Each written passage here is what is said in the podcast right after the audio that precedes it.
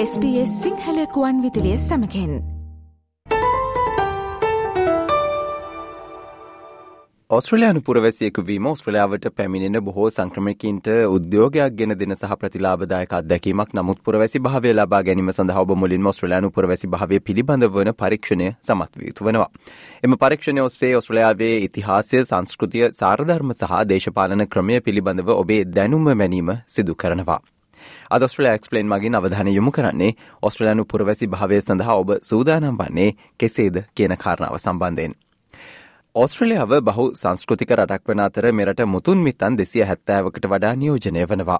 ඔස්ට්‍රලයානු සංස්කෘතිය ලොව පැරණිතිම සහ අකණ්ඩ සංස්කෘතින්ගෙන් එකක් වන අතර වසර එක්දහස් නවසය හතලිස් පහේ සිට මිලියන හතකට ආසන්න සංක්‍රමණයකින් මෙරටට පැමිණ තිබෙනවා. ඔස්ට්‍රලයානු පුරවැසි භාවය සඳහා අයදුම් කිරීමට ක්‍රම කිහිපයක් පවතිනවා. ඒ සඳහා අයදුම් කිරීමට පෙර ඔබ නිශ්චිත නිර්ණායක මාලාවක්ද සපුරාලිය යුතු වනවා. සංක්‍රමණ නීතිඥ ඒවා අබ්ඩෙල් මෙසියා ඔස්ට්‍රලයනු පුරවැසි භාවය ලබා ගැනීම සඳහා සංක්‍රමණකින් සිය ගණනකට සහයවී ඇති අතර ඇයි පවසන්නේ අදාළ නිර්ණායක සපුරාලීම මේ සඳහා වඩාත් වැදගත් නිර්ණායකය වන බවයි. ඔස්ලෑනු රෙසිඩන්ස් රික්වයිමන් සෙවත් පදිංචිවීමේ අවශ්‍යතාවය සපුරාලීමට ඔබ නිශ්චිත නිර්ණායක සපුරාලිය යුතු වනවා. මේ සඳහා වසර හතරක් නීතියනුකූල විසාමත ඔස්ට්‍රලයාාවේ ජීවත්වීම සිදු කළ යුතු අතර කෙසේ නමුත් මෙම කාලය තුළදී මාස දොළහකට වඩා වැඩි කාලයක් ඔස්ට්‍රලයාාවෙන් පිටව ජීවත්වීම සිදු නොකළ හැකි බව සංක්‍රමණ නීතිඥ ඒවා පවසනවා. The residence requirement has specific criteria. One is that you need to be residing in Australia on any kind of visa as long as it's a lawful status for the last four years. And you should not have had absence during this four years of more than 12 months. And in particular, the last 12 months, the last year needs to be on a permanent residency, not temporary, and no absence more than 90 days within the last 12 months. ඔස්ට්‍රලයාාවේ පදිංචිවීමේ අවශ්‍යතාවය සපුරාලීමට අමතරව වයිසවරුදු දහටට වඩා වැඩි ඔස්ට්‍රලයානු පුරවැසි භාවය සඳහා අයදුම් කරන්නන් good character හෙවත් යහපත් චරිතයක් පවත්වා ගැනීමත් අත්‍යවශ්‍ය වනවා. මීට අමතර ඔස්ට්‍රලයාාවේ පදිංචිවීමට හෝ විදේශගතව සිටින විට සම්බන්ධව සිටීමට සැලසුම් කළ යුතු වනවා. ඉංග්‍රීසි භාෂාව පිළිබඳ මූලික දැනුමකුත් තිබියයුතු වනවා. ඔස්ට්‍රලයාාව පිළිබඳව සහ ඔස්ට්‍රලයානු පුරවැසියෙකු වීම යන්නේ අදහස් කරන්නේ කුමක්ද යන්න පිළිබඳවත් දැනුමක් ලබා ගැනීම වැදගත් වනවා. ඔස්ට්‍රලයානු පුරවැසි භාවය සඳහා වන පරීක්ෂණය ඔස්සේ මේ සම්බන්ධයෙන් වන දැනුම තක්සේරු කිරීම සිදු කරනවා. සංක්‍රමණ නීතිඥ ඉවා පැහැදිල් කරන්නේ වයසවරුදු දහටේ සිට පනස් නවය දක්වා පිරිස මෙහිදී ඉංග්‍රීසි භාෂාව පිළිබඳ මූලික දැනුමක් ඇති බවට පෙන්විය යුතු බවයි.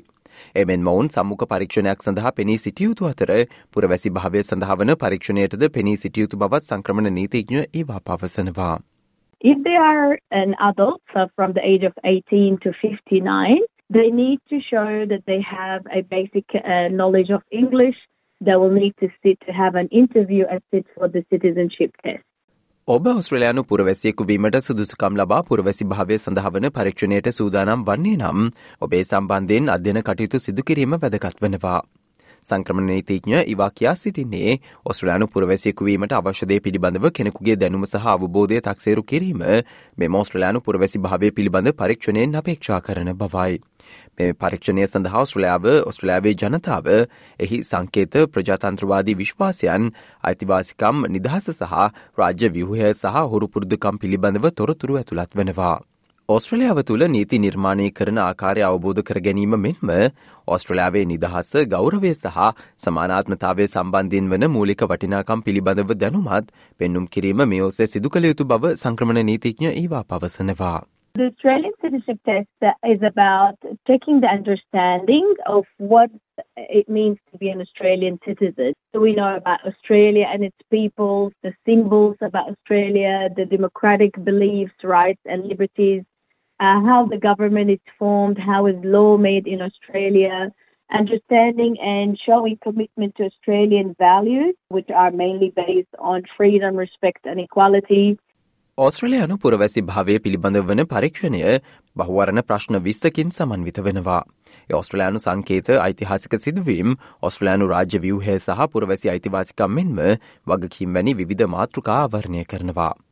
මෙම බහුවරණ ප්‍රශ්න විස්සෙන් පහක් මොස්ට්‍රලයානු අගයන් මත පදනම් වී ඇති අතර ඉන් කිසිවක් සඳහා ඔබට වැරදි පිළිතුරක් ලබාදීමට හැකියාවක් නැහැ. කෙසේ නමුත් මෙම පරීක්ෂණය සමත්වීමේ ලකුණු ප්‍රතිශතය සියට හැත්තෑ පහක් වන අතර ඔබට වෙනත් පිළිතුරු ලබාදීම්වලදී සුළු වැරදි සිදුවීම් දැඩි ගැටලුවක් නොවන බව සංක්‍රමණ නීතිඥ ඒවා පෙන්වා දෙනවා. Five of these 20 multiple choice questions are based on Australian values and you're not allowed to have any mistakes in any of them. So the, the pass mark for the test is 75%, which means it allows for some mistakes. But in the section about Australian values, no mistakes are allowed. If you lose one uh, question or if you fail on one question, that means you fail the whole test. Australian citizenship our common bond වශයෙන් හඳුන්වන ඔස්ට්‍රලයානු පුරවැසි භාවය සඳහ වන පරීක්ෂණ සම්පත් සහිත පොත්පිංච අධ්‍යනය කිරීම වැදගත් වන බව සුදේශ කටයුතු දෙපාර්තමේන්තුවේ වෙබ් අඩවිය නිර්දේශ කරනවා. මෙම පොත්පිංච භාෂා හතලිහකින් ලබාගත හැකි අතර වෙබ් අඩවී ඇති පොඩ්කාස් හරහද ඔබට තොරතුරුවලට සවන්දිය හැකි. පරීක්ෂණය සඳහා වශ්‍ය සියලු තොරතුරු අව කොමන් බොන්් පොත්පිංචෙහි පවතිනවා. ඔබ ඒ කිවා හොඳින් තේරුම් ගතයුතු අතර එය මතක තබා ගැනීමට ඔබට උපකාර කිරීමට සටහන් තබා ගැනීමත් වැදගත් වෙනවා. ඔබට මේ සම්බන්ධින් ඔන්ලයින් ප්‍රක්ටිස් තෙස්ට එකක්ද අන්තර්ජාලයේ අඩංගු වෙබ් අඩවිවලින් සිදු කළ හැකි. සංක්‍රමණ නීතිඥ ඉවා පවසන්නේ බොහෝ දුරකතන ඇපෝසේ පරිගණකවලින් වෙබ් අඩවියත ප්‍රවේශවීමට වඩා පහසුවෙන් මෙම තොරතුරු සඳහා ප්‍රවේශ විය හැකි බවයි.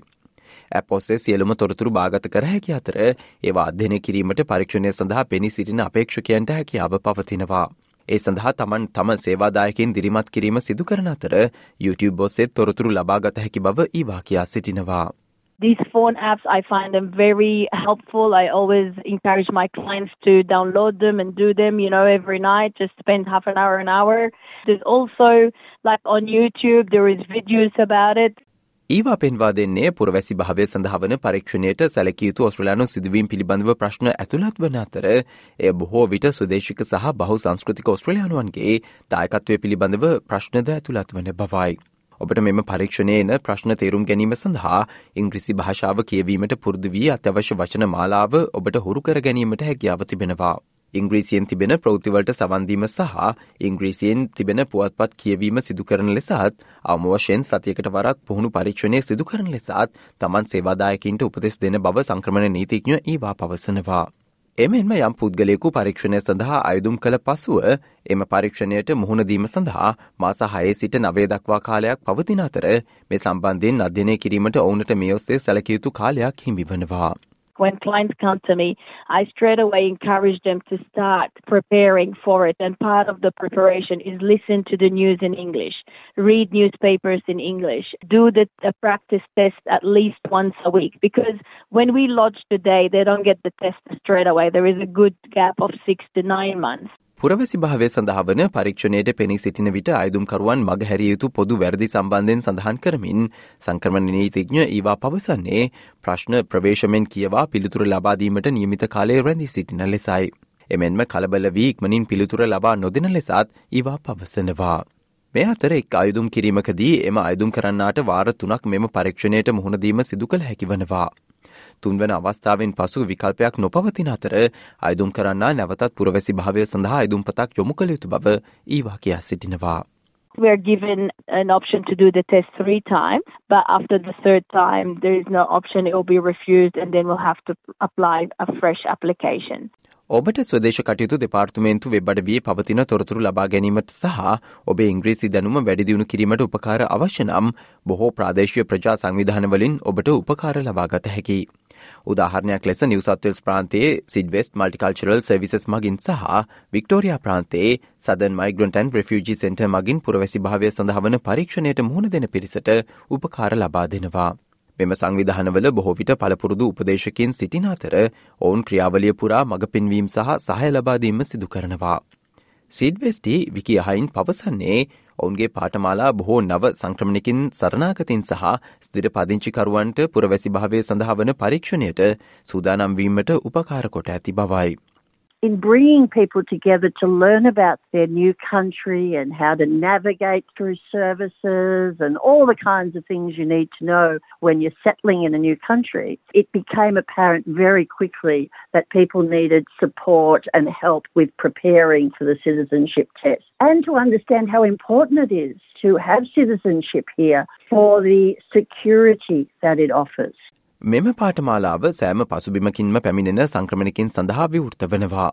සන්නාගත තත්වය කුමක් වුවත් ඔස්ට්‍රලයාාවට පැමිණෙන ඕනෑම අයකු පළමු වසර පහ තුළ සිරලෙස ජීවත්වීමට සිටල්මන් සර්විසස් ලබා ගැනීම සඳහා සුදුස්කම් ලබන බව විකි පෙන්වා දෙනවා. Pretty much it's anybody who's in the eligibility for settlement services, which is like the first five years of your arrival in Australia. You don't have to be a refugee, it's anybody, any type of migrant. සිඩ්වෙස් මගින් දෙදහස් දහ හතර වසරේදී පටහිර සිද්නිහි පළමු පුරවැසි පරීක්ෂණ ඉගැන්වීම් පන්තිය ආරම්භ කොට තිබෙනවා. එතැන් සිට සිය දහස් ගණනක් සේවාදායකින් තම පරීක්ෂණ සාර්ථකව සමත් වී පුරවැසි සහතික ලබාගත් බව විකි පවසනවා. ඔවුන් විධ ප්‍රශ්නෝස්සේ ඔස්ට්‍රලයානු ඉතිහාසේ ගෙන ගැනීම සිදු කරන බවත් ඔවුනට ප්‍රායෝගික අත්දැකීම් සහ දැනුම ලබාදීමට තම ආයතනය කටයුතු කරන බවත් විකි කියා සිටිනවා. එමෙන්ම තම ආයතනය මගින් ඔස්ට්‍රලෑනු පුරවැසික් වශයෙන් අදහස් කරන්නේ කුමක් දෙයන්න සම්බන්ධයෙන් සම්පූර්ණයෙන් වැටහෙන පරිදි සියලුම ශ්‍රේෂ්ත්‍ර ආවරණ කරන බවත් විකි කියා සිටිනවා. They go through each of the questions and they talk about it. They would learn some history. We also go on social outings as groups explain the layout of the land. You know, we might go up to Katoomba and at the same time talk about the history of Australia being opened up by explorers. It's working your way through all the questions, fully understanding them so that you fully understand what it means to participate as an Australian citizen. ඕස්ට්‍රලයානු සංස්කෘතිය වැළඳ ගැනීමෙන් ඔස්ට්‍රලයානු ජාතිය සහ එහි වටිනාකම් පිළිබඳව ඔබේ අවබෝධය වැඩිදියුණු වන පවත් ඇය පවසනවා. විකි වැඩිදුරටත් පෙන්වා දෙන්නේ විධ සමාජ කණ්ඩායම ඔස්සේ සංක්‍රමණික පිරිසට විධ රටවල විධ භාෂාවලින් වෙනත් පුද්ගලින් සමඟ කතා කිරීමට හැකිවන අතර ඒ ඔස්සේ නිරායාසෙන්ම ඔවුන් ඉංග්‍රීසි භාෂාව කතා කිරීමට පෙළඹෙන බවයි. Join social groups like the type that we coordinate. You get to speak to other people from different countries, different languages, and you're all practicing your English together in a casual social setting. You know, it's about the barbecue, the picnic, learning about the, the flora and the fauna that might be in that park. So, yeah, everything is a learning experience. අද මෙම ස්ට්‍රලයාක්ස්පලෙන් ගුවන් විදිලි විශෂාන්ගෙන් අප ඔබ වෙතගෙන තොරතුරු කියවා දැනගැනීමට හැකිවන පරිදි වෙබ්ලිපියක් ආකාරයට දැන්ටමත් අපගේ වෙබ්බඩ විය පලකොට තිබෙනවා. ඒ සඳහා www.sbs.com.tu/ සිංහලන අපගේ වෙබ්බට වියට පිවිස එහි ඉහලින් නැති මාතෘකායන කොටසට පිවිසන්න.